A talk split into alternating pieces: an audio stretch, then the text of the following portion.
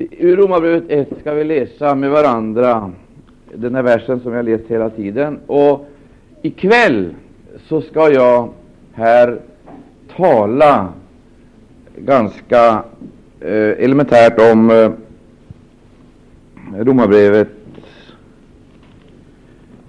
sätt att presentera Gud, eller det första kapitlets sätt att presentera Gud. Vi ska I det första kapitlet ska vi läsa med varandra den 17 versen, där det alltså heter rättfärdighet från Gud uppenbaras nämligen där, jag tro till tro. Så är och skrivet, den rättfärdige skall leva av tro. Den rättfärdige skall leva av tro. Och så kommer den vers som jag i huvudsak kommer att eh, röra mig eh, omkring ikväll. Det är den här versen. Ty Guds vrede uppenbarar sig från himmelen över all ogudaktighet och orättfärdighet hos människor som i orättfärdighet undertrycka sanningen. Vad man kan känna om Gud är nämligen uppenbart bland dem. Alltså vad man kan känna om Gud är nämligen uppenbart bland dem. Gud har ju uppenbarat det för dem. Ty hans osynliga väsen, hans eviga makt och gudomshärlighet har varenda från världens skapelse varit synliga i det att de kunna förstås genom hans verk. Och så kommer då slutklämmen. Så äro det då utan ursäkt. Så äro det då utan ursäkt. Och då är frågan den, vilka är det som är utan ursäkt? Vilka är det som är utan ursäkt? Efter det heter, så äro det då utan ursäkt. Vilka kan det handla om?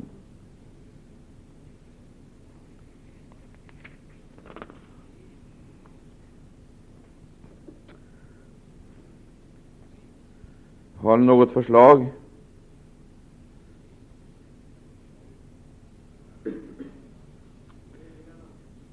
Ja, hedningarna, ja. Hedningarna.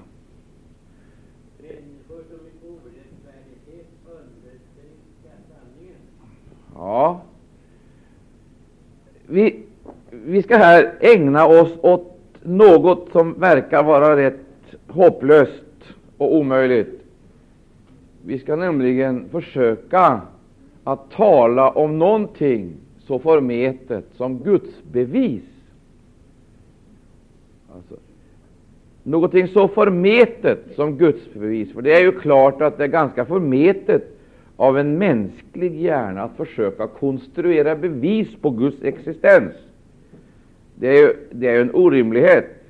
Men eftersom det tydligen ändå är så att vi måste ha sådana stöttor, eh, och eftersom vi tydligen också behöver sådana här modeller för tanken, så ska vi titta på det här en liten stund innan vi går vidare i bibelstudiet. Gud har uppenbarat sig, läser vi. Och hans uppenbarelse är av sådan karaktär att den då tydligen är övertygande, överbevisande. Även om den icke är frälsande, så är den övertygande och överbevisande, eller ännu hellre, den är vägledande och orienterande.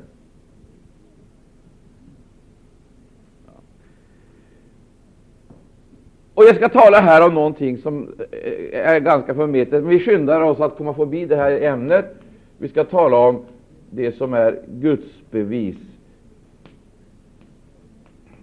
Gud har uppenbarat sig för människan, eller hans härlighet kan ses, den kan registreras, iakttas, som det heter här i den här översättningen, här heter det så här, att eh, ty från världens skapelse förnimmers det osynliga hos honom. Lägg märke till. Förnimmers det osynliga hos honom och uppfattas av sinnet genom de ting som är gjorda, både hans eviga makt och gudom.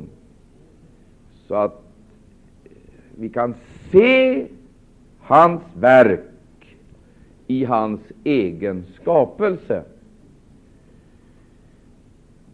Och Jag ska försöka att eh, peka nu här på eh, hur detta kan ses.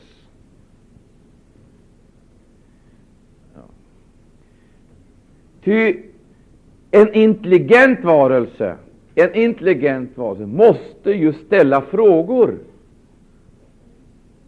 som han vill ha svar på. Den första frågan det måste vara den här.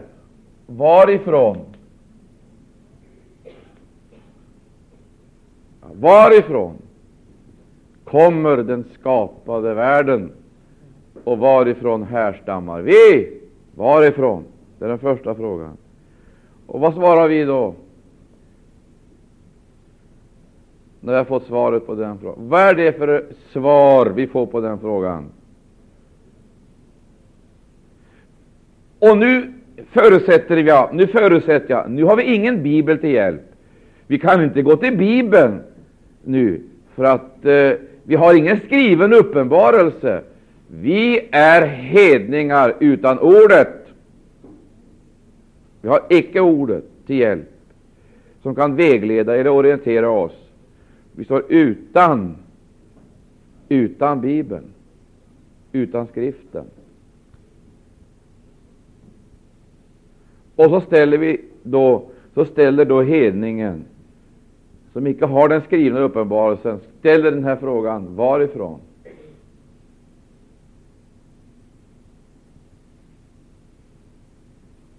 Vad får han då för svar?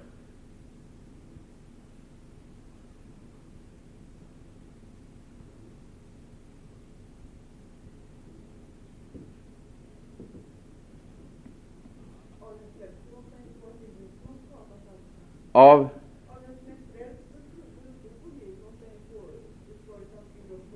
Ja, men här är han varken frälst eller troende eller tror på Gud, utan här är det en svart hedning det handlar om. Ja, men för att detta är en fråga som alla intelligenta varelser ställer, oberoende av vilken kulturnivå vi rör oss på, eller vilken eh, Alltså var någonstans i frälsningshistorien vi befinner oss, så måste vi ställa frågan varifrån. Varifrån har allt kommit? Har det kommit eh, ja, Det finns ju olika, finns ju olika uppfattningar om det. Men det finns någonting hos oss, alltså, Om vi tänker oss vi är helt nollställda, vi är helt renons på all kunskap. Vi har icke naturvetenskapens vare sig positiva eller negativa eh, påståenden om Gud. Vi har ingenting. Vi har heller icke, vi, vi, har icke, vi har icke Bibeln, och vi har ingenting. Vi står där fullständigt ensamma. Fullständigt ensamma. Men det, i det läget, utan att äga några andra källor än sinnenas förmåga att registrera och iaktta, så kan jag via de kanalerna komma fram till en slutsats. Va? Och vad blir den?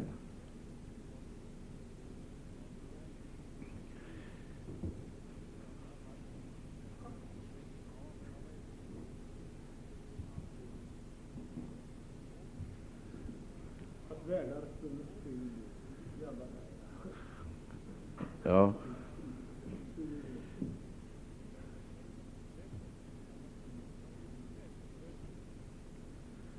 Har ni något förslag? Ja, det måste finnas en intelligens, eller hur?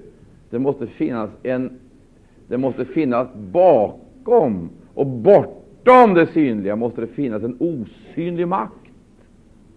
en skapande makt. Och då talar man om, jag vill, jag vill ta med de här uttrycken för ni kommer att möta det, därför att då talar man om det kosmologiska gudsbeviset. Kosmologisk.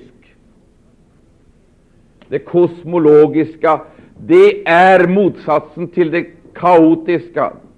Kosmologisk, motsats till kaos. Där möter vi alltså den ordnade skapelsen. Och när vi talar om den ordnade skapelsen talar vi om lagar, naturlagar. Allting vittnar om att det är skapad utav en hjärna. Ty i skapelsen så möter vi matematisk precision praktiskt taget på alla områden. Man talar om det kosmologiska, och det låter ju väldigt högtidligt. Men det är, jag säger det här bara för att vi ska ha klart för oss att det är ett uttryck som används när man debatterar de här problemen. Sen ställer man naturligtvis nästa fråga.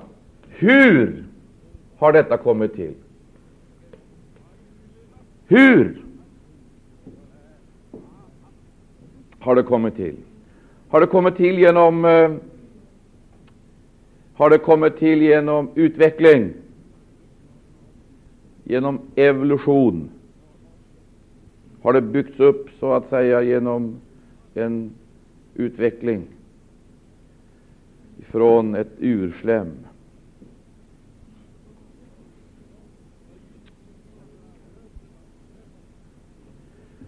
Sa jag det varifrån? Det kosmologiska gudsbeviset är det som svarar på den yttersta, den yttersta orsaken. Yttersta orsaken, yttersta grunden. Det är alltså det det handlar om. Men vi måste skynda oss vidare. Hur har det sen kommit till? Vad säger, vad säger oss tanken? Va?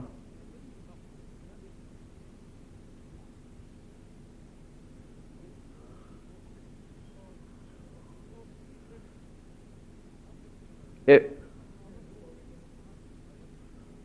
Ja, vill du inte vara det, kan du bli det. Jag är på väg att bli det nu.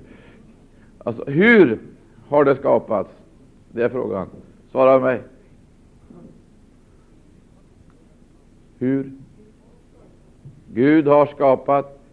Har det kommit ihop liksom av egna krafter, eller är det så att Gud har skapat? Det stod där fullbordat och färdigt. var klart. Vem är byggmästare? Arkitekt och byggmästare. Ja, det är sant. Vi förstår att det måste vara Gud. Gud har skapat. Då talar man om det märkliga. Då talar man om det fy psykoteologiska. Fint, va? Vet vi det också? Fysikoteologiska gudsbeviset. Gud är byggmästare, säger tanken. Vi har inte läst Bibeln, vi har ingen annan litteratur. Ändå så säger mig intelligensen att Gud, det måste finnas någonting som är högre än jag själv, med skapande kraft. Och han har byggt upp hela denna förundliga skapelse, det fysikoteologiska. Ska vi fortsätta? Nästa fråga. Varifrån, hur? Vad blir nästa fråga? Va? Nästa fråga måste bli varför. Alltså, vad har denna skapelse för mål? Har den gått ut ifrån Gud? Vad har den för mål?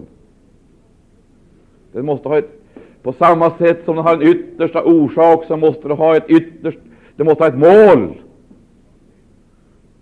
Eller är vi överlämnade åt ett öde, åt slumpen?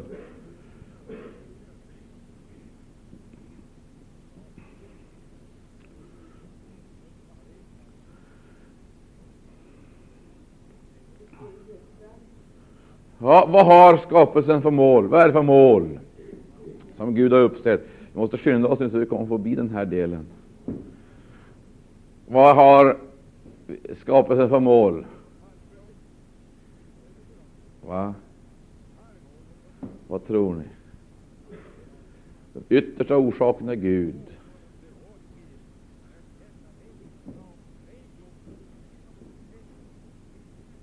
Vad är målet? Gud. Från Gud till Gud. Ja. Ska var, varför skriver jag? Var till ska det stå, naturligtvis. Var till. Den yttersta orsaken är Gud. Och då talar man om, vad talar man om då? Det här borde ni väl veta. Det är till inte teologiska, men teleologiska, vilket kommer av grekiskans telos, som betyder mål. Telos, det, tel, det tele, teleologiska.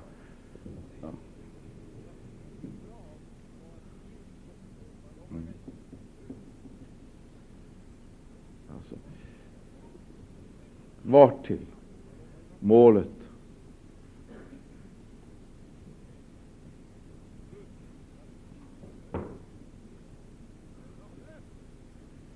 Alltså, och så kommer det här frågan varför. Här har du den högsta idén, den högsta idén med den här skapelsen. Det måste finnas med den här skapelsen en hög idé. Och all förnuft högsta idé. Vem är det? Ja, här använder man sådana här uttryck som onotologiska.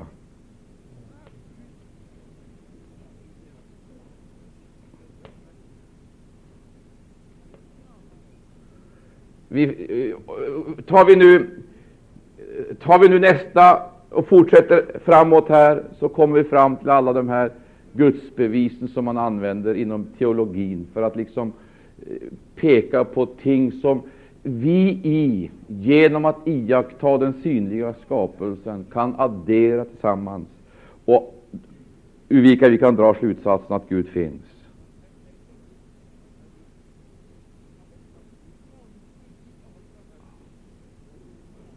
Ska vi ta det sista här också? Vad är det för någonting?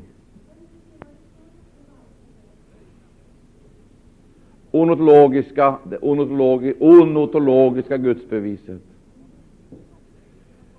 Alltså om, om vi nu tar det sista här nu då, vad, vad kommer vi fram till då? Vad, vad tror du är sista frågan vi ställer?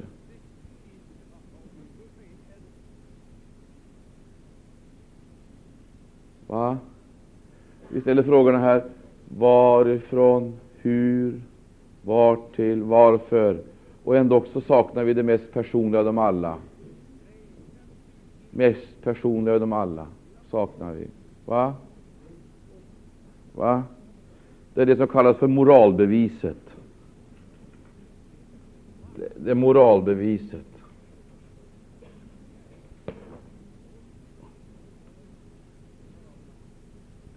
Moralbeviset är det som handlar om vårt samvete, vårt inre vittnesbörd om att Gud finns samvetets vittnesbörd. Om jag förnekar alla övriga vittnesbörd, så finns det dock inom mig någonting som talar om Guds existens. Ja, och Vill man ytterligare lägga till ett, så kan man lägga till det psykologiska. Det, och det här är bara intellektuellt resonemang, alltså man kan addera ihop vissa saker och då komma fram till en slutsats. Man talar om det psykologiska. Vad kan det handla om då? Va? Det handlar om känslan. Vi säger att Gud är känslans enda saliggörare. Det psykologiska gudsbeviset det är upplevelsen av Gud. Det är det som inger sällhet och lycka. Alltså, man kan säga så här att allt sammans det här talar alltså utifrån rent intellektuella eh, rent intellektuella lagar om att Gud måste finnas. Gud måste finnas. Han syns, han finns, han kan registreras. Han finns i skapelsen, och vi är hans skapade verk, och vi bär vittnesbörde inom oss. Han finns i vårt eget väsen. Och nu går vi vidare. Vi lämnar den där detaljen, så går vi vidare in i Romarbrevet 1. Gud finns.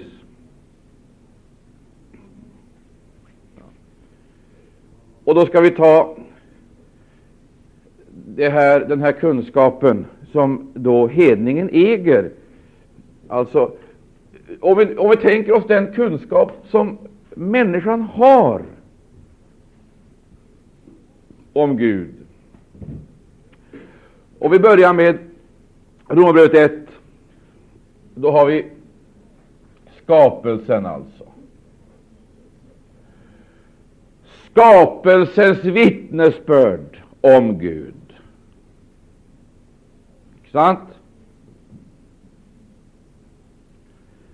Då är frågan den, är detta en frälsande kunskap? Va? Är det det?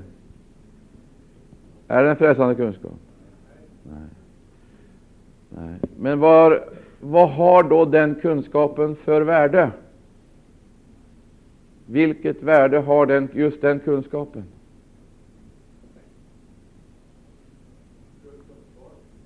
Va? Ja, vad ska vi säga om den? Skapelsens vittnesbörd är vägledande.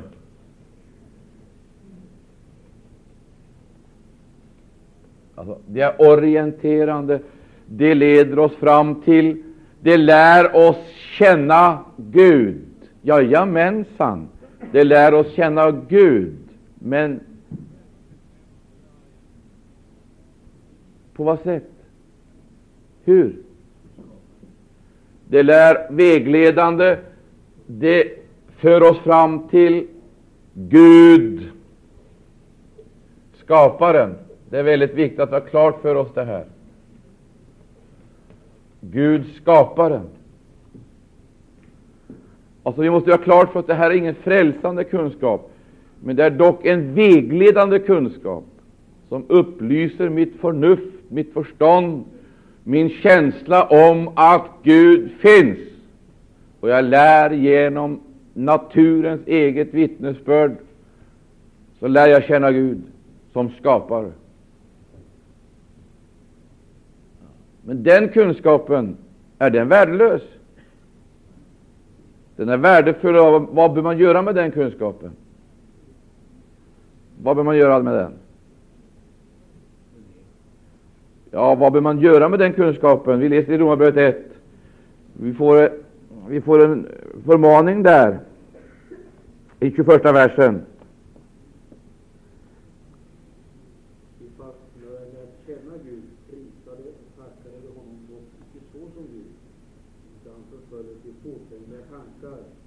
Ja.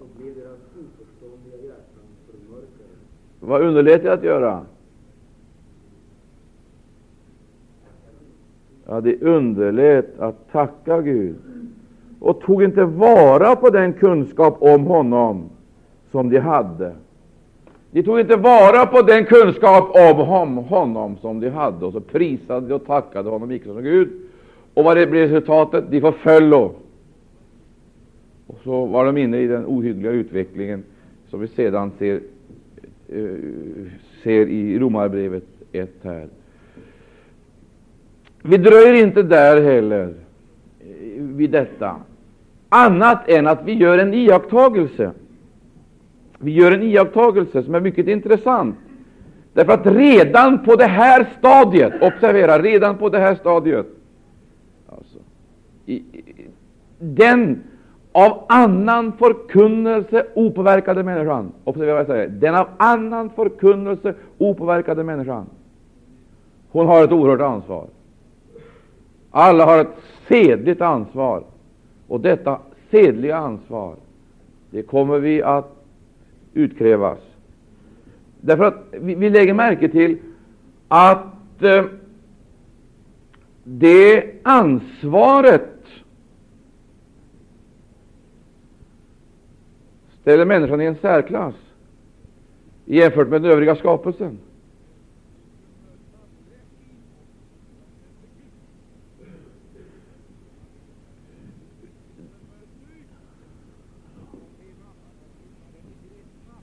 Det är rätt intressant att se att det också på, det här, eh, på, det här, eh, på den här nivån eh, så möter oss uttryck som vi kan läsa i den 18 versen. Vi har en känsla av att det liksom tillhör en mer utvecklad frälsningslära, en klarare och mer fullkomnad frälsningslära. Men vi, redan på det här stadiet så möter vi eh, vad som står i den 18 versen. Varsågod, läs den. Läs.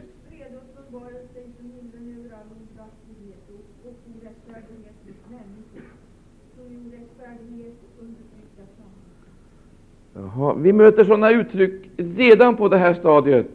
Där möter vi uttryck av den här, av den här typen. Vi ska lägga märke till det. Det handlar om förnekelse. Förnekelse. Och, och, och, och vi ser det handlar om ogudaktighet. Ogudaktighet.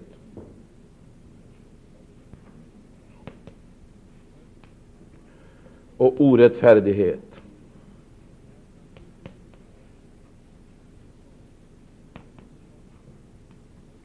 Och vi har, vi har här tidigare talat om den passiva förnekelsen, det vill säga den förnekelse som manifesterar sig i försumligheter. Man underlåter att göra det man bör göra. Den passiva förnekelsen som sedan går vidare i en aktiv förnekelse, i en aktiv förnekelse, det vill säga man hamnar i en slags filosofi då man möter den i systemsatta förnekelsen, gudsförnekelsen. Det är oerhört viktigt att man tar vara på kunskapen om Gud. Ta vara på den. Och drar de nödvändiga slutsatserna utav det man vet. Har du fått någon kunskap, så är det i sig en orsak att förvärva mera kunskap för att förvärva ännu mera kunskap, för att så småningom komma fram till den hela och fulla sanningen om Gud, lära känna honom. Och den som underlåter att göra detta underlåter samtidigt att prisa och tacka Gud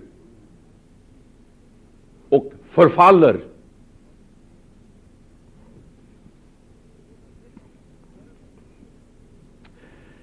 Men vi vi går ett steg vidare och så kommer vi ihåg att redan på det här stadiet, då man inte har någon skriven uppenbarelse utan bara har naturens vittnesbörd om Guds existens, så har man ett ansvar. Och Det är helt uppenbart att det har varit synnerligen angeläget för Guds ärkemotståndare Satan att om inte göra det vittnesbördet. Och därför har han skickat fram sina utomordentliga pedagoger agitatorer, profeter och fört fram läror som har eh, påverkat hela mänskligheten, påskyndat gudsfrånvändheten. vi ska ta ett av dem. Jag tror att en, en av de absolut i särklass största bluffen som överhuvudtaget existerar i historien den största bluffen som överhuvudtaget existerar i historien. Vet ni vad det är? Va? Vad tror ni det är? Utvecklings och evolutionsläran. Det som förr kallades för darwinismen. Det, det, alltså, detta som ger sig ut för att vara vetenskap och som presenteras som vetenskap. Och istället då för en oförfalskad kunskap om Gud, skaparen, så har man då, när man har börjat förneka Gud genom underlåtenhet, fått en filosofi som sätter själva förnekelsen i system och gör det praktiskt taget omöjligt gör det praktiskt taget omöjligt för människor att hitta Gud. De är berövade möjligheterna. De är berövade alla dessa möjligheter att liksom famla sig fram till honom. Ta evolutionsläran som ju förmedlas till alla generationer via utbildningsanstalterna. Det är ju, det är ju i utbildningsanstalterna som barnen får den här undervisningen om Gud där Gud inte bara är detroniserad, utan där Gud är avsatt och bortförklarad och där Bibelns lära eller framställning om honom den är degraderad till legender, trampad i smutsen och förklarad som sagor i vetenskapens namn. Och jag skulle vilja säga, jag tror att jag kan säga utan att överdriva, att evolutionsläran är inte ens på de mest elementära punkterna bevisad, vetenskapligt bevisad, vara någon eh, eh, ersättning för Bibelns skapelselära.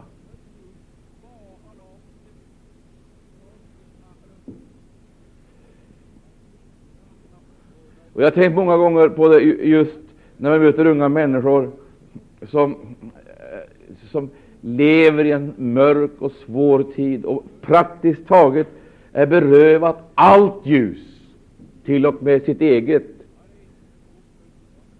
Det de föddes med, sina naturliga förutsättningar att orientera sig fram till Gud, det, det, det, det amputeras bort och aborteras bort redan på barnastadiet genom vetenskapsmän som beskär dem alla möjligheter att se och orientera sig.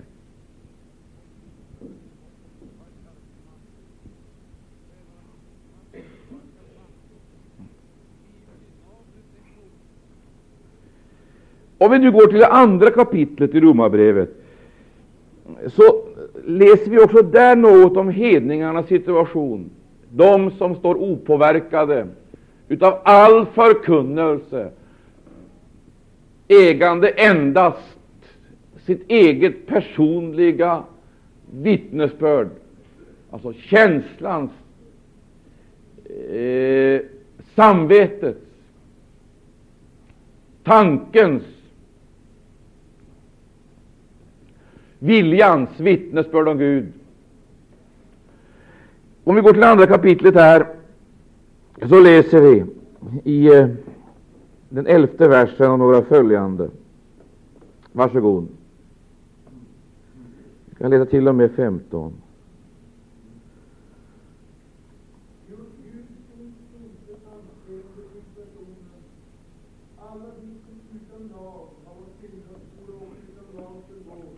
Gode Gud.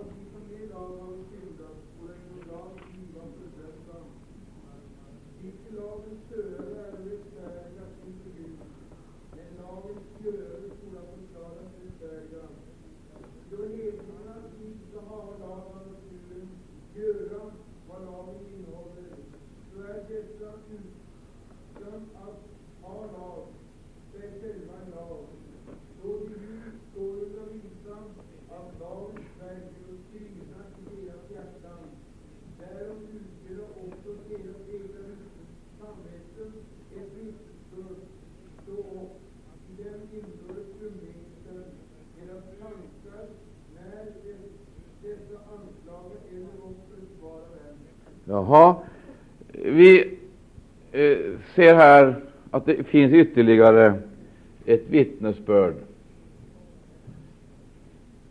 Förutom den synliga skapelsen som vi har omkring oss och som kan registreras av våra fem sinnen, kan registreras och vi kan dra slutsatser, förnuftiga slutsatser om att Gud existerar, så har vi en domstol i vårt eget inre. Det är icke en högsta domstol, men det är dock en domstol i vårt eget inre som bär oss vittnesbörd om vårt eget förhållande, om vårt eget, vår egen situation. Det talar någonting väsentligt om Gud, säger oss någonting väsentligt om Gud. Det är ingen absolut och framför allt ingen pålitlig domstol, men den finns där dock. Och den anklagar eller försvarar. Nu är frågan den, samvete, är det en produkt av miljön? Va?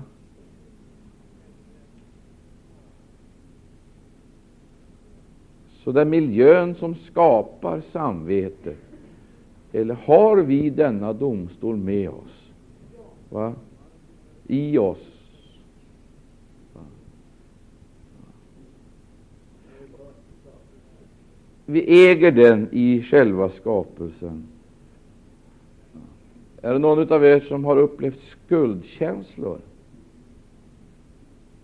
Va? Jag har två stycken. Fantastiskt. Enastående församling, får jag säga. Är det någon som har upplevt skuldkänslor? Verkliga skuldkänslor. Vad är skuldkänslor uttryck för? Va? Vad är det? Va? Ja, du talar om ett anklagande. Då måste det finnas en åklagare. Vad är samvetet? Jag tänker, tänk på vilken oerhörd makt som samvetet egentligen utgör. Va? Det? är skyldig. Vad leder skulden fram till? Skuldkänslor leder fram till vanligtvis till komplex. Sin tur. Va? Ja, Ja, det är sant.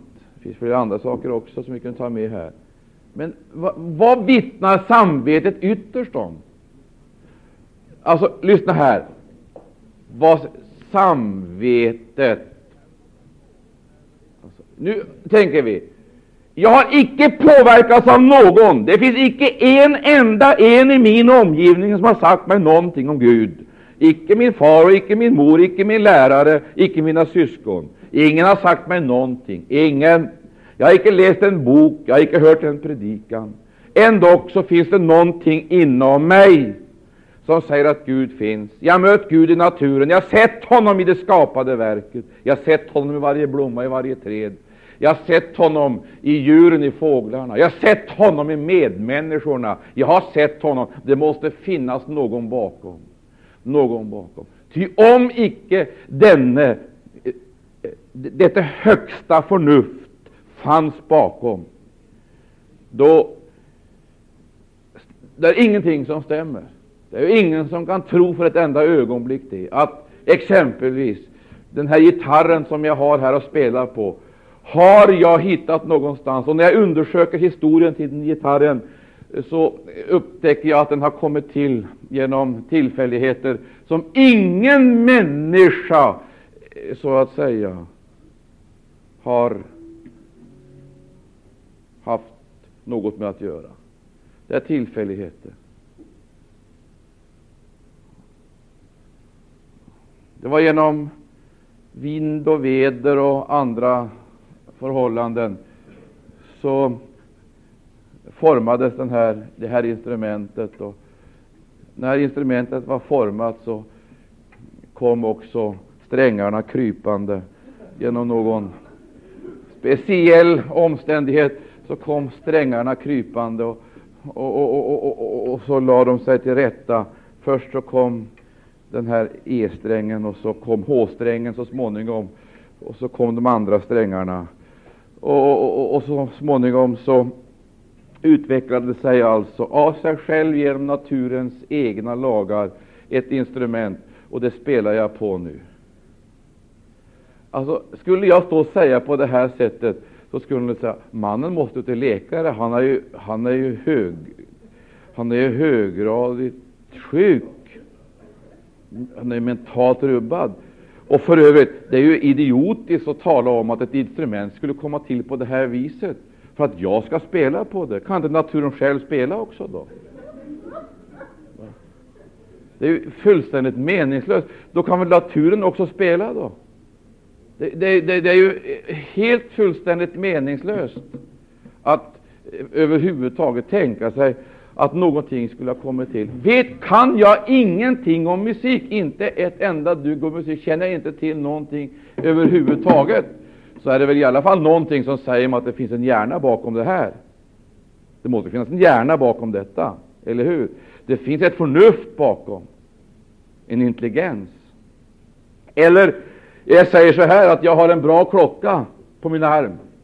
Och den har också kommit till så att eh, det hände någonting någon gång, någonstans, si eller så. Och genom det som då hände så blev det först en boett. Och så småningom eh, så kom urverkets alla delar att föra samman. Så lade de sig väl till rätta inne i boetten, förenade sig så att säga, och, och, och så småningom så kom också några visare eh, dit, och de lade sig också väl till rätta. Och så kom det ett glas som också hade skapats på något konstigt sätt. Först stålbetten och sen glaset och sen instrumenten i övrigt, detaljerna i den här klockan. Det har kommit till av sig självt. Och nu har jag klockan här. Vi, vi förstår ju varenda en att det är ju, det är ju, det, det är ju någonting alldeles idiotiskt att överhuvudtaget resonera på det här sättet. sättet. Vi, vi, inte ens om det skulle tagit 10 miljoner år så kan ju någonting dylikt ha skett. Och nu vet jag ett urverk som är mycket bättre än det jag själv har på min arm. Nej, visst, jag hade visst inget. Alltså, det finns ett urverk som är bättre. Ja, och vad är det för urverk? Va? Ja, tänk, tänk vilken matematisk precision som vi ser i hela skapelsen. Vilken precision! Tänk om solen, vi säger solen går upp och solen går ner. Vad menar vi för någonting? Tänk om solen en dag skulle slockna. Skulle vägra att lysa över jorden i två minuter. Hur skulle det gå? Vi skulle inte förvandlas till saltstoder, men till isblock. Så vi skulle sjunka ner på den absoluta fryspunkten, minus 270 grader. Och allt liv skulle i ett enda ögonblick upphöra. Ingen rörelse skulle längre vara möjlig. Tänk om klockan skulle så att säga gå en minut för sakta, som våra gör, eller två minuter för fort. Förstå vilken kalabalik det skulle bli i skapelsen. Men det ska jag tala om för dig, hör du. Den klockan, den behöver inte vridas upp på morgonen eller på kvällen. Nej. Det sitter inte Gud Fader där uppe med ett stort tekniskt underverk för att få det här liksom att gå ihop. Han sitter inte och vrider upp den och sen ställer, ställer visarna för att få tänk att det går. Dag efter dag, generation efter generation. Och ändå så vill jag säga detta är bara ett provisorium. Hörde du vad jag sa? Det är bara ett provisorium.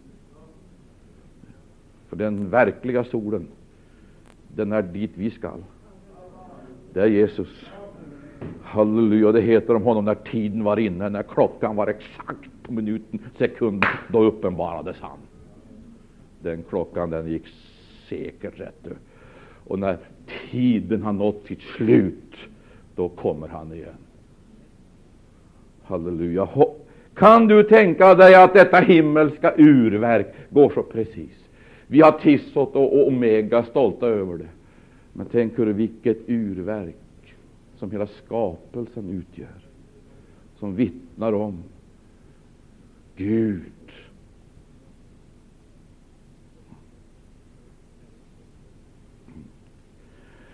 Och lägg märke till, det är ju denna förnekelse, denna filosofiska förnekelse som idag betraktas som vetenskap och filosofi. Det är ju det högsta att känna till detta. Nå, vi vet att det ligger inte till på det sättet. Och dessutom så finns det inom mig, utan att jag är påverkad av någon, utan att jag har fått ett enda ord av någon, att det ska du icke göra och det ska du icke göra. Ingen har sagt åt mig att du ska inte ta ifrån din nästa. Ingen har sagt åt mig ännu, du ska icke, du ska icke stjäla och du ska icke eh, göra si eller så. Det finns vissa saker som jag redan vet utan att någon har sagt det. Du, det är en naturlag i vårt väsen Lyssna nu noga till vad jag säger. Vi behöver inte arrangera en speciell babyskola för att ta emot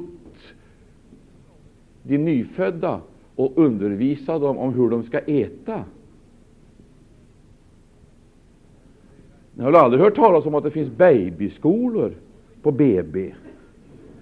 Det gör det väl inte?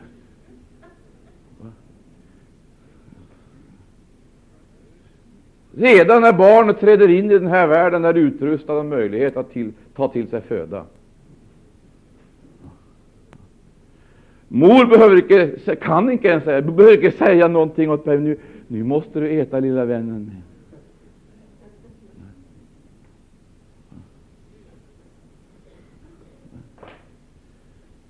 Du, kära du, man behöver heller inte ha någon undervisning om vad som är nödvändigt för, Eh, för den nyfödda. Man behöver inte ha en undervisning om kalorier och proteiner och allt sammans.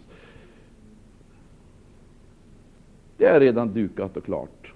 Det är bara att lägga sig till rätta och ta in det som redan finns där. Att moderna kvinnor inte vill amma sina barn, det bevisar hur idiotiska de har blivit. Allting har blivit upp och nervänt och snett. Men normalt är naturligtvis att det nyfödda ska ammas vid moderns bröst. Du behöver inte undervisa om det.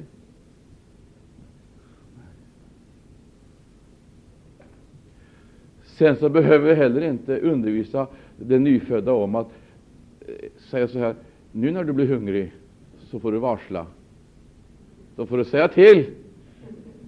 För att jag kanske blir så upptagen så att jag inte vet när du är hungrig. Utan säg nu för allt i världen till när du blir hungrig. Det behöver inte mor säga. Utan när hungern inställer sig, då larmar barnet och det skriker i högan sky utan att ta hänsyn till vilken tid på dygnet det är. Tar ingen hänsyn. Den följer icke någon annan klocka än sin egen mage.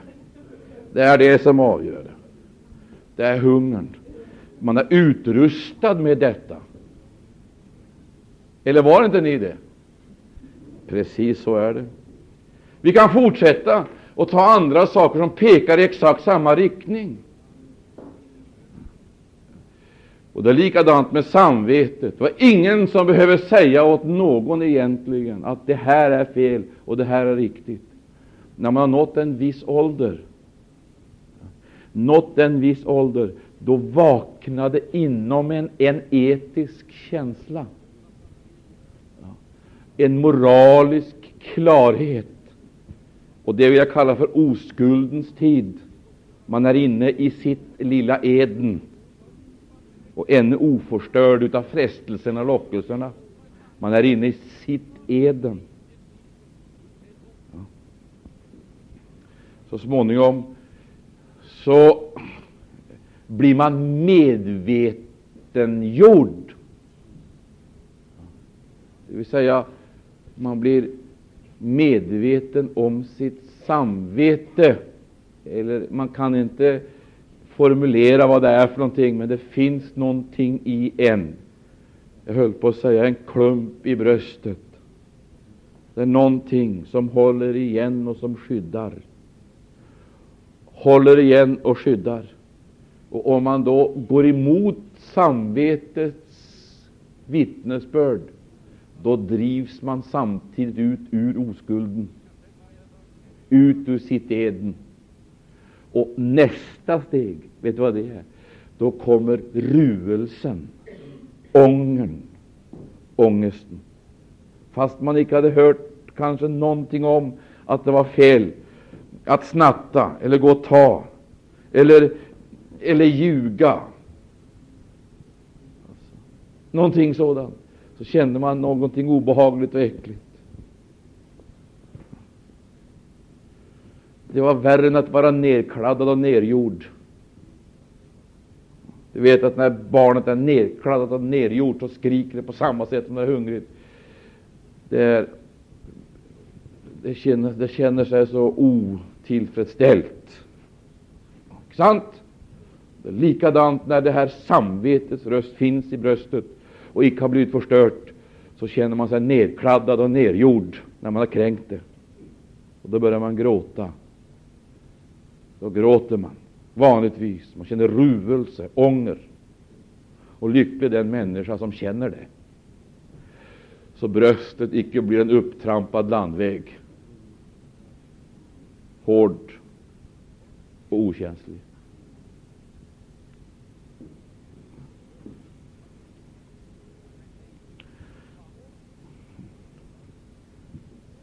Nå, om nu den synliga skapelsen är vägledande fram till Gud, skaparen, så ska vi säga att samvetet, om vi ska försöka att slå sönder det här ordet, samvetet, det är också vägledande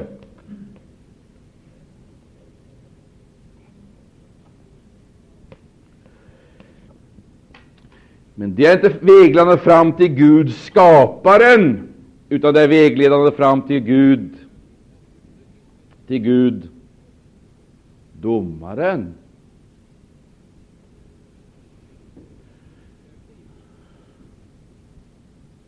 Eller kanske inte riktigt ännu, kanske inte riktigt ännu, utan det är vägledande fram till Gud. Vilken Gud! Hör här. Samvete. Om icke en enda människa sett vad jag har gjort, tänkt en ful tanke, sagt ett, e- e- en lögnaktig, ett lögnaktigt ord eller gjort någonting annat, om ingen har sett det, så har jag en känsla av att jag är iakttagen. Va? Sant? Iakttagen, det är någon som ser mig. Någon ser mig samvete. Jag vet något tillsammans med någon. Samvete, det är att veta något tillsammans med någon. Vem är det som vet? Vad vet han? Vad vet han? Jag vill fråga er om en sak, kära vänner. Tror ni att hela att en människas liv, tror ni att he, en människas liv är registrerat, fullständigt upptecknat?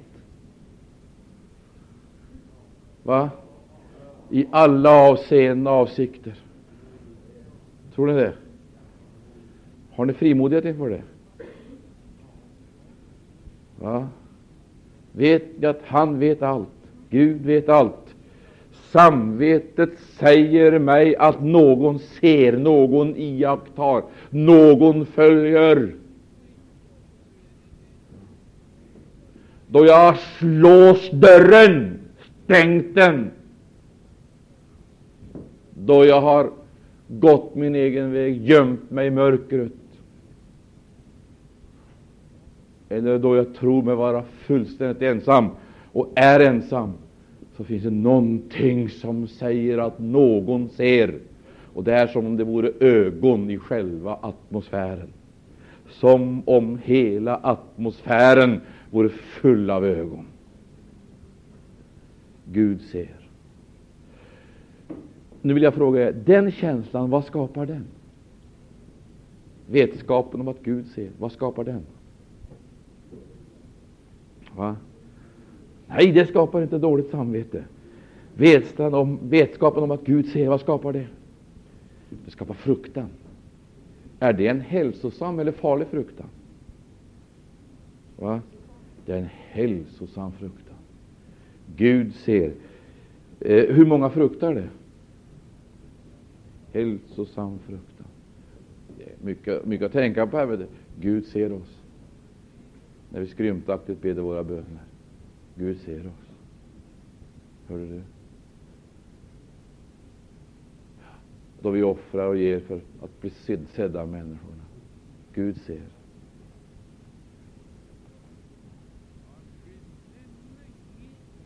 Men innan vi har kommit så långt, så vi börjar med det, så har vi gått igenom många vatten och blivit garvade. Vem är det som ser? Gud! allvetaren. Samvetet det leder oss, är vägledande till Gud, allvetaren.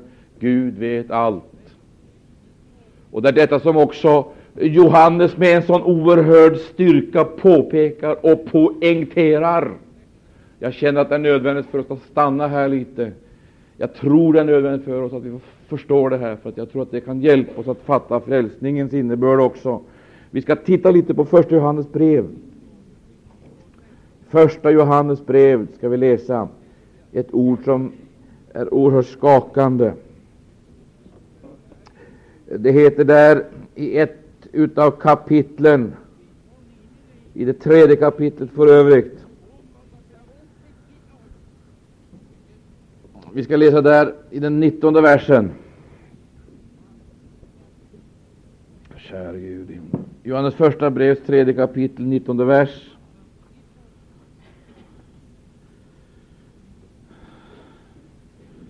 Och så några följande, varsågod.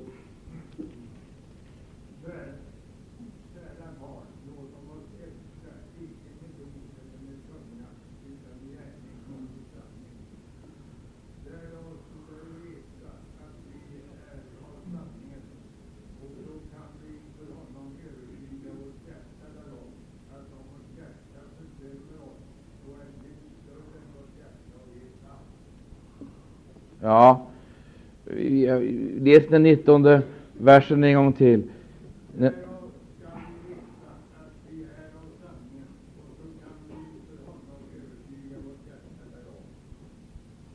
Och så nästa vers.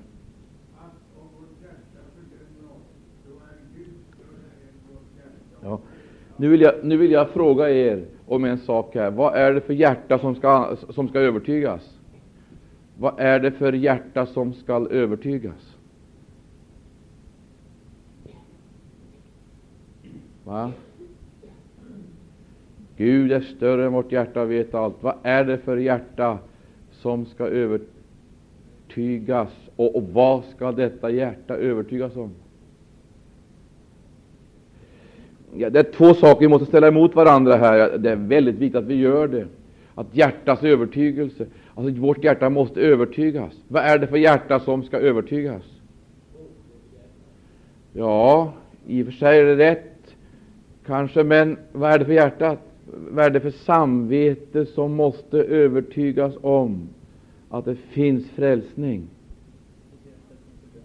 Det är det fördömande hjärta alltså som är överbevisat om synd.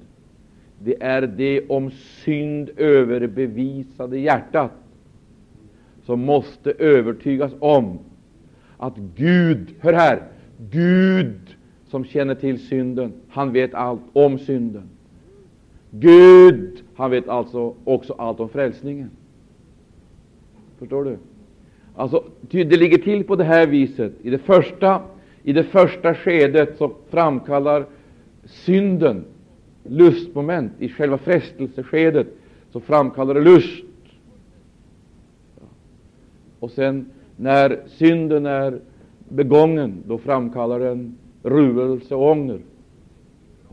Då kommer anklagelsen. Och man är så övertygad om sin synd. Och vanligtvis så ser den verkligt överbevisade människan icke någon väg ut. Ty man känner Gud vet det. Gud känner det. Och människor vet kanske också om det. Man ser ingen väg, väg ut. Detta hjärta, detta anklagande hjärta, detta anklagade samvete, självförebråelser och allting annat, det måste övertygas om att Gud som dömer synden, han har också framställt det medel som kan rensa bort synden. Och då går vi till Hebreerbrevet, så får vi se vilket medel som är framställt för det. I Hebreerbrevet, där ska vi läsa med varandra i nionde kapitlet.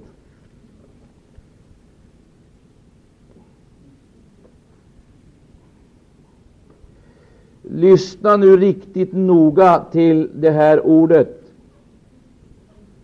i det nionde kapitlet. Där ska vi läsa med varandra ifrån trettonde versen. Vi läser 13 och 14. Varsågod.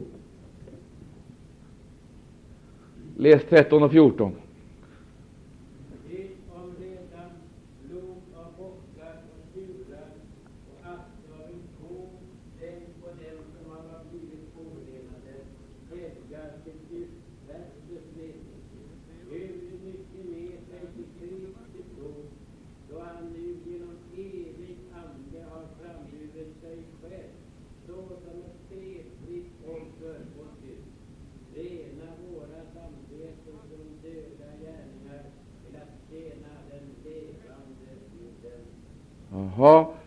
Vad är det som måste renas?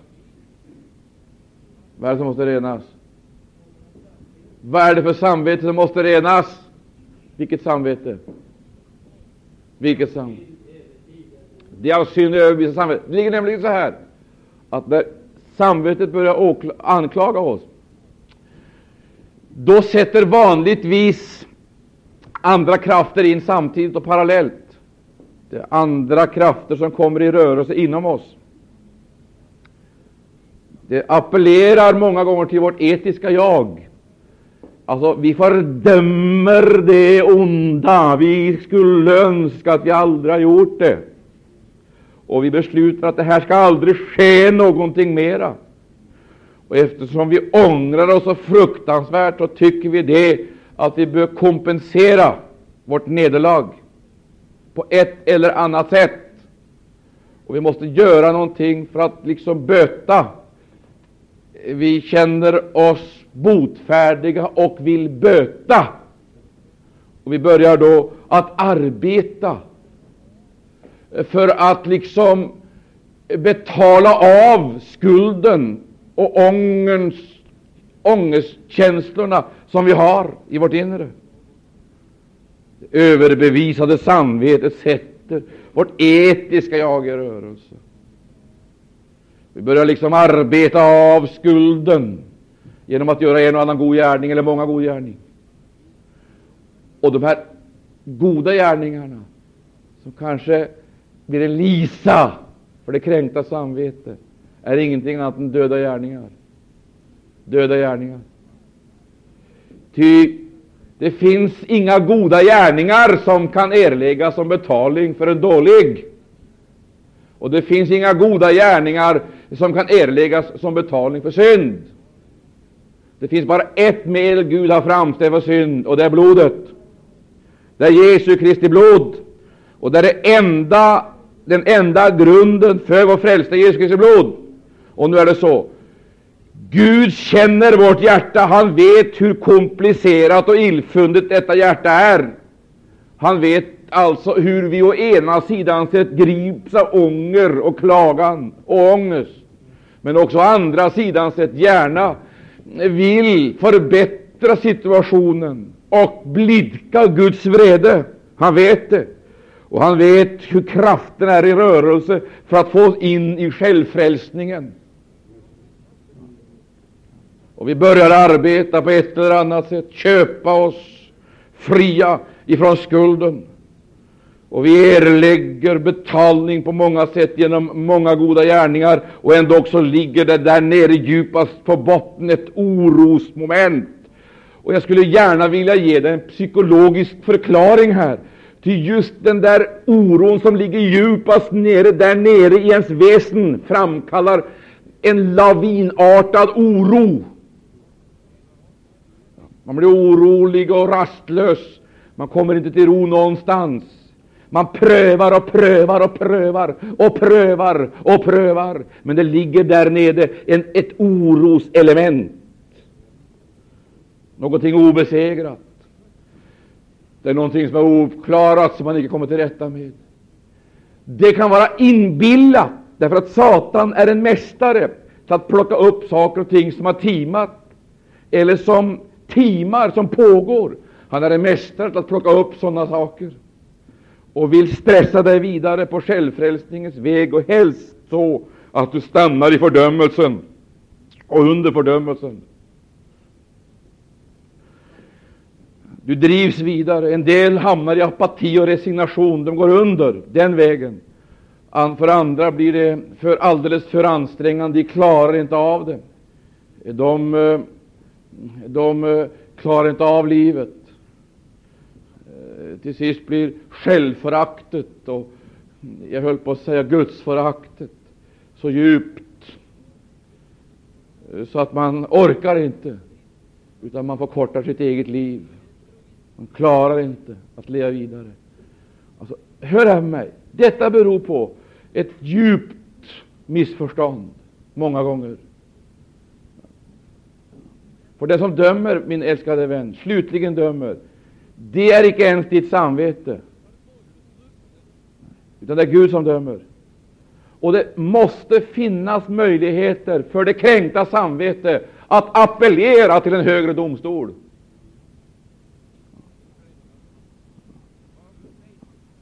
Och det finns en appellationsdomstol, en högsta domstol. Ära vare Gud och Lammet, och där nådens tron, dit syndaren får komma. Och det, det, det är svårast med kristna människor, de som varit frälsta en tid. Det är svårast med dem därför att de vanligtvis mm, har uppsatt regler eller fått regler eh, som de menar ska hållas, till varje pris hållas. Och viker man av ifrån detta så har man inte bara samvetets anklagelser utan också omgivningens tryck. Och I rädslan av att bli iakttagen och observerad eller bli avslöjad så sätter man upp det här skenet, skenet omkring sig. Och Man har ju massor av konventioner som man kan ha hjälp av. Eh, exempelvis frid, en. Eh, det är härligt att vara frälst, och så, det är seger. Och så har vi de här konventionerna som så småningom blir en slags det, det, det blir byggnadsverk i muren som bygger omkring oss. Och så ser vi varandra dött i ögonen, om vi vågar titta någon i ögonen. Så ser vi varandra i ögonen med en lite falsk blick och säger frid, frid. Det är seger, halleluja seger. Och längst där nere så finns det ett, en oro, ångest. Inte sant? Och sen när vi kommer hem kanske och ligger i ensamheten, då orkar vi inte sova, vi orkar inte vara uppe, vi kan inte göra någonting. Och många är de som inte orkar lägga sig och sova utan att de går och tar ett piller för att försöka söva ner oron, för att kunna vila några timmar under nattens tid. Det, det, här, det är vanligt bland kristna. För att man har ingen, liksom, jag höll på att säga, man, man, man, man har ingen nådastål. Trycket utifrån och anklagelsen inifrån. Då vill jag säga att det finns en appellationsdomstol som vi kan vädja till. Och den är inte rest på jorden. Den är i höjden. Och Gud var evigt lov. Där heter det Gud han ser icke mellan fingrarna, han vet om det. Och du ska veta, Gud dömer din och min synd strängare än det vårt samvete gör, än det vi gör själva. Mycket strängare. Om vi själva dömer synden strängt, så dömer han synden mycket strängare och mycket hårdare. Det ska du ha klart för dig. Men det heter, Gud som är större än vårt hjärta, han vet allt. Vad vet han förutom vår synd? Han vet om blodets kraft. Icke sant? Vad ska vi då göra? Vi ska inte gå förbi själva reningskällan och gå vidare med åklagaren i vårt inre och anklagelserna och försöka att låta det bli ett medel till att vi gör goda gärningar. Vi kan inte på den vägen bli själavinnare, missionärer eller vittnen, filantroper eller någonting annat. Utan vi måste komma fram till reningskällan. Vad är reningskällan? Det är Jesu blod. Han vet allt. Och så säger vi blodet gäller.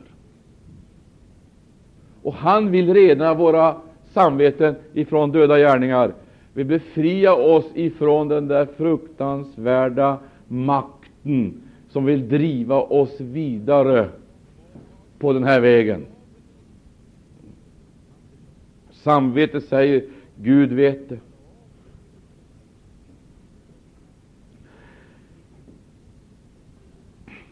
Hör här.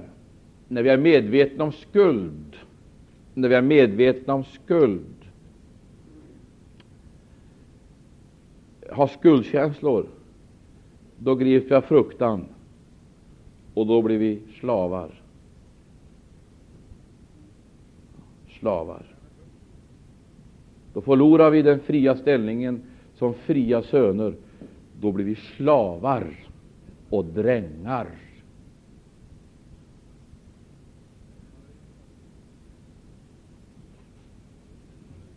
Och då blir församlingen en fångkoloni. Eller ett fängelse.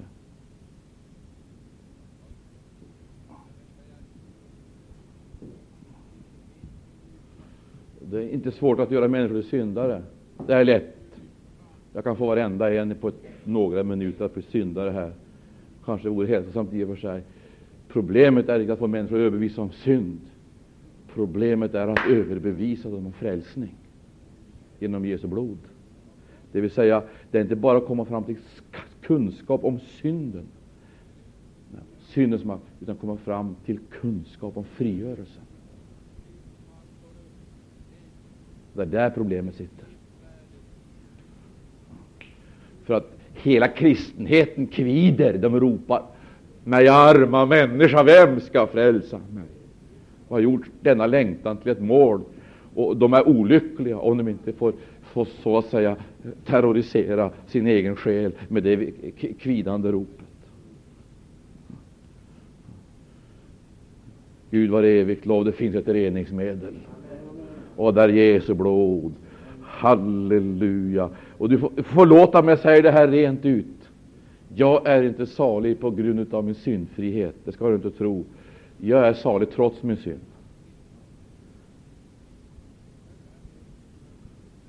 Nu går ni hem och säger det också. Det får ni göra vilket ni vill.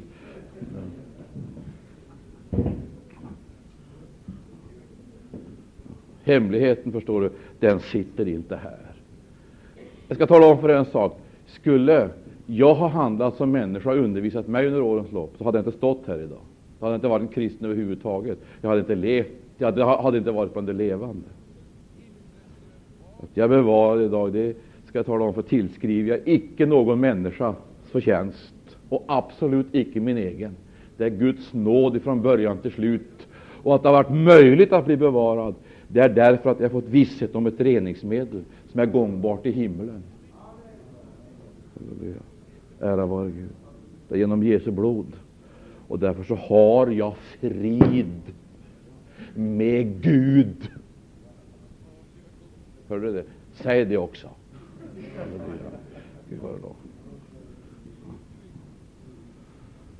Här ligger hela hemligheten.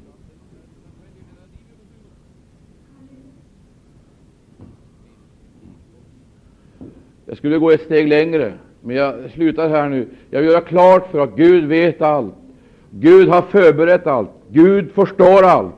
Gud kan lösa allt, om han får. Prisat vara Herrens underbara namn. Men tiden hastar iväg och jag har bara fem minuter kvar. Jag måste ta med er en sak till. För, för det tredje, det är ju inte nog med att vi får veta någonting om Gud allvetaren. Utan för det tredje går vi till det andra kapitlet. Till det andra kapitlet i Romarbrevet. Då får vi se några mycket allvarliga saker. Det vill säga, Gud tar ut ett folk. Hör här, Gud tar ut ett folk som han ger vissa privilegier. Vissa folk som han ger vissa ett visst folk som han ger vissa privilegier. Och nu vill jag fråga er, kan det vara rättfärdigt att vissa människor får företräden framför andra? Va? Kan det vara riktigt? Kan det vara det? Nu vill jag bara säga det. Den frågan ska inte du ställa till mig. Ska inte göra. Jag är alldeles för enkel för att svara på så komplicerade frågor. Den ska du ställa till honom som har gjort det. För jag har inte gjort det, men han har gjort det.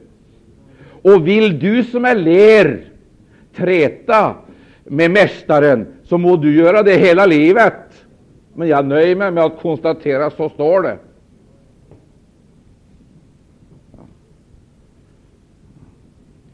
Och det är helt uppenbart att det finns ett visst folk som har fått vissa företräden. Har du hört det? Det folket kallas Israels folk. Jag kan inte hjälpa att inte du har blivit jude. Jag kan inte hjälpa att inte du och jag blev jude. Och jag kan inte hjälpa att du är arab och att jag är europé. Jag kan inte göra någonting åt det. Därför att jag har icke gjort någonting för att komma hit till denna världen. Icke ett enda dugg, jag bara kom. Och jag var icke närvarande där det bestämdes att jag skulle komma. Det var jag inte. Inte. Det vill säga, jag var inte närvarande vid det kärleksmöte då två människor förenades och blev ett. Det var inte genom min vilja.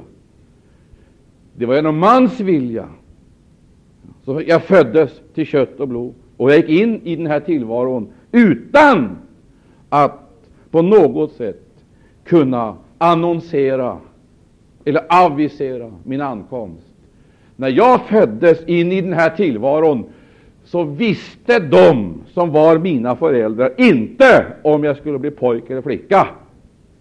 Så dåligt var det med deras kunskap.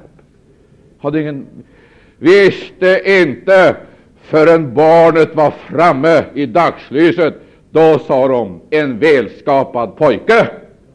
Men själv hade jag inte gjort någonting för att födas, och jag hade inte gjort ett dugg för att bli pojke. Jag blev det. Sen kan jag hålla på och matcha Gud och människor varför att inte jag blev flicka. Eller hur? Jag kan hålla på och strida om varför Gud har gjort det på det sättet, varför den har fått det si och den har fått det så. Det är ett struntprat.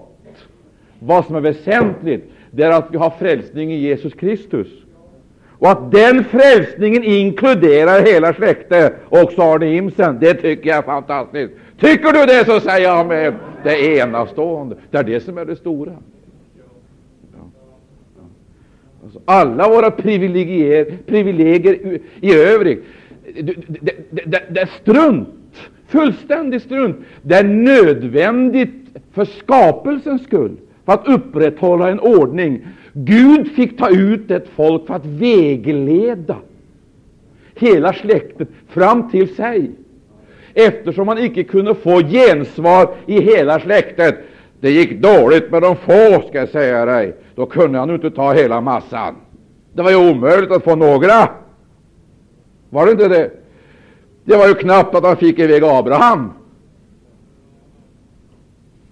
Fast det står så triumfatoriskt att han gick ut ur kaldeiska ur. Men nog står det väl i din bibel att han stannade med Tera på vägen till dess Tera hade dött. Och när Tera hade dött, då kommer Gud igen med en ny uppenbarelse och bjuder honom gå. Men han blev fördröjd 15 år. Och sen så ser vi ju hur det har varit med Abraham och, och, och Jakob. Kan du läsa om dem? Och Mose, stackars människor. Och vi kan läsa hur det har varit med Israels folk. Gud tog ut ett folk, hör du, när det var så jättesvårt att få någon ordning på det där lilla folket. Hur skulle det då gått om man tagit hela massan? Det hade inte blivit någonting naturligtvis. Han tog inte det här få därför att de skulle få privilegier, framför de andra. Han tog de få för att genom dem få frälsa de andra. Där ligger hemligheten. Och vet du vad han dessutom gjorde? Då han gav dessa folket dessa privilegier, då höjde han samtidigt ansvarsnivån. De fick ett mycket större ansvar. Men de kunde vare sig bära privilegierna eller ansvaret. Vet du vad Skriften säger? Fast med blev de förstockade. Och du kan rakt genom hela deras historia konstatera att de vanligtvis gjorde precis rakt motsatt det Gud hade sagt åt dem. Sa Gud att de skulle gå, då kan du vara övertygad om att de stannade. Sa Gud att de skulle gå upp, då satte de sig ner. Sa Gud att de skulle bli stilla, då stack de. Då gick de all världens väg. Ja.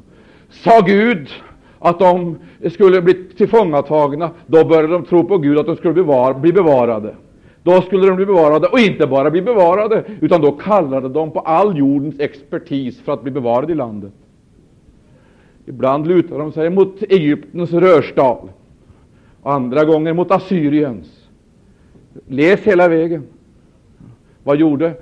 Gud sände dem profeter. De mördade dem. Och så tog de andra profeter. Det vill säga, sanningen förvandlade dem till lögn, och lögnen blev sanning. Precis upp och ner, rakt upp och ner, det Gud hade sagt. Gjorde de. Men lägg märke till att i den där nationen så fanns det alltid en kvarleva. En liten kvarleva.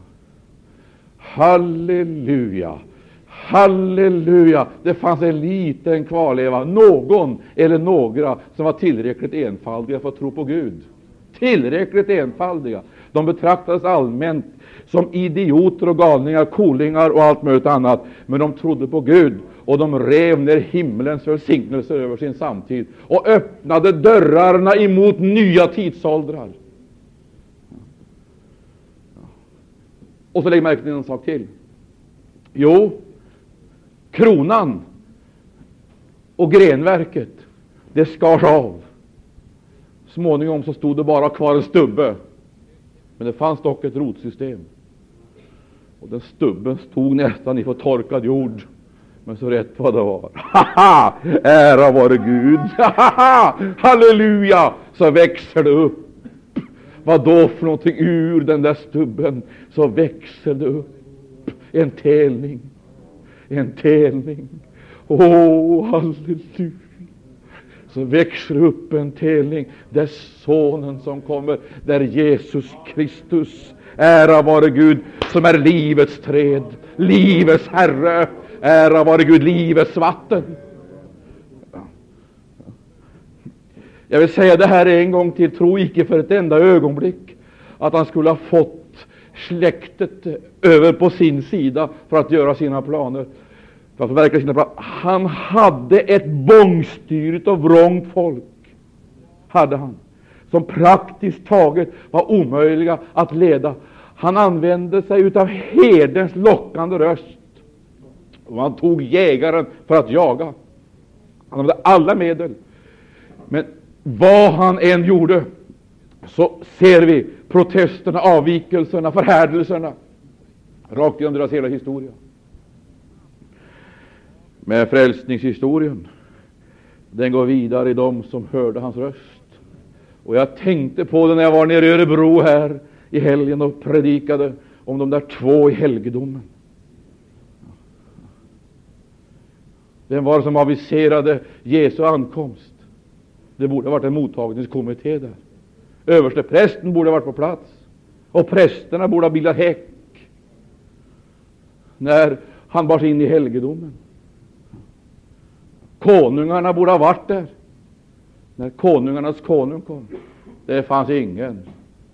Det var en vanlig religiös högtid bland alla övriga högtider. Ingenting i omgivningen eller yttre som var vittnesbörd att någonting sensationellt höll på att ske mitt i nationens liv. Dock var det två. Halleluja! Det står på Andens tillskyndelse. Gud ordnar sin egen mottagningskommitté. Ära vare Gud, när någonting stort ska hända. På Andens tillskyndelse så kommer de dit. Käre gode Gud, vem är det som kommer? Det är gamla Hanna. Hon kommer.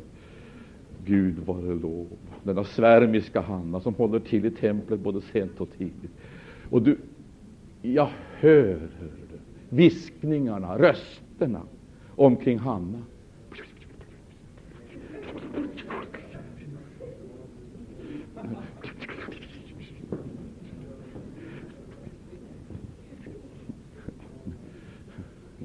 En gammal gumma, vet du.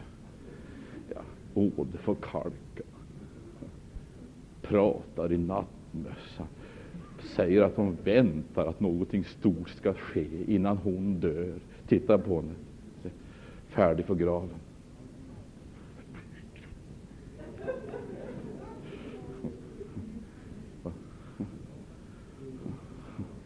Men hon kom dit. Halleluja. Vad talade hon om? Vad såg hon? Vad såg hon för någonting? De andra såg ett barn. Vad såg hon? Israels förlossare, såg hon. Gud var evig då. Oh, du förstår, de människor som fått ögonen öppnade av den heliga Ande. De ser, jag höll på att säga, evigheten i ingenting.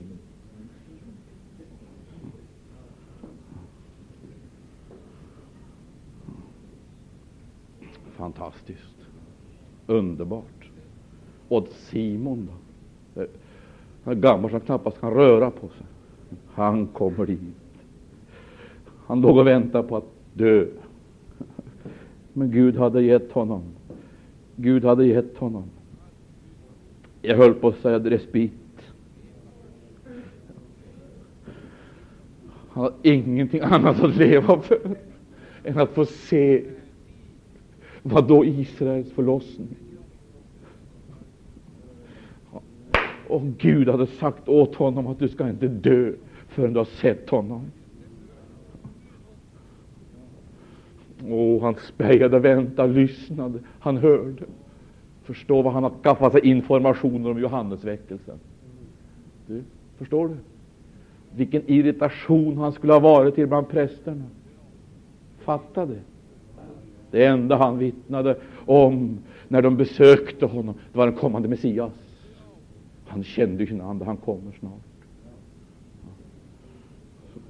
Förs han in i templet och där är han på plats. Där har du Guds mottagningskommitté. Det är Hanna och Simon.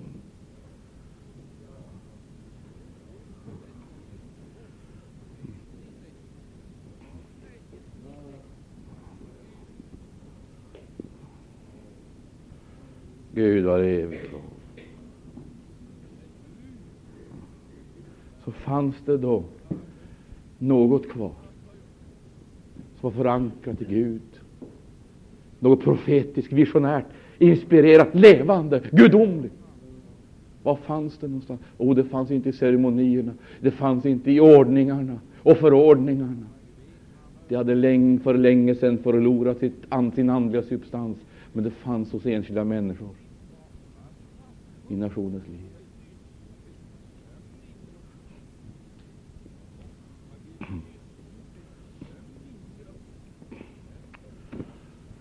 Du, det var några, en handfull människor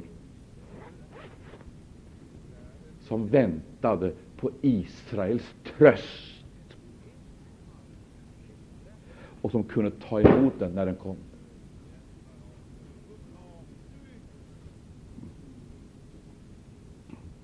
Det är sanningen. Och det var detta folk med sina traditioner och sina fäder, detta folk som fick vissa privilegier. För att Gud igenom det folket ville leda nationerna fram till kunskap. Vad då? Om kunskap om Gud. Vilken Gud? Ja, inte det stadiet. Han gav dem ordet. Ordet, står det. Kan du läsa första versen i tredje kapitlet?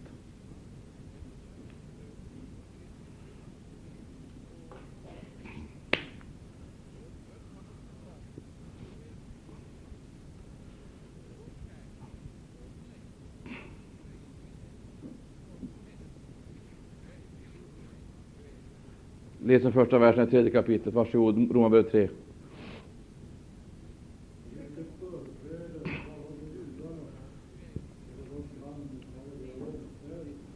Ja.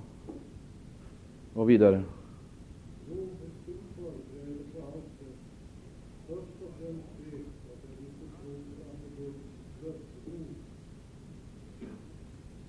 De har blivit betrodda med Guds löftesord. Det ska vi fortsätta med nästa tisdag. Judarnas situation. Tackar vi Jesus till sist. Halleluja. Sluta upp människa och träta med Gud om Israel och hedningar och araber och världen. Överlämna dig själv och hela styrelsen åt Herren. Han kommer säkerligen att klara av det. Helt säkert. Det är ingen meningsfull diskussion att hålla på och diskutera varför inte jag blev pojke eller flicka. Det är meningslöst. Sluta upp med den diskussionen. Överlämna istället åt Herren.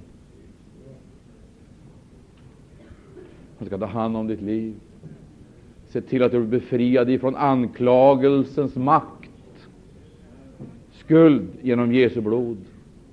Bli befriad så du kan tjäna Herren som ett nytt folk. Invigt, överlåtet åt honom. Är du här som upplever att du vill möta Jesus, så är Jesus mycket närmare dig än den som sitter bredvid dig. Innan du har öppnat din mun och formulerat den första sucken eller bönen, så vet han vad du behöver.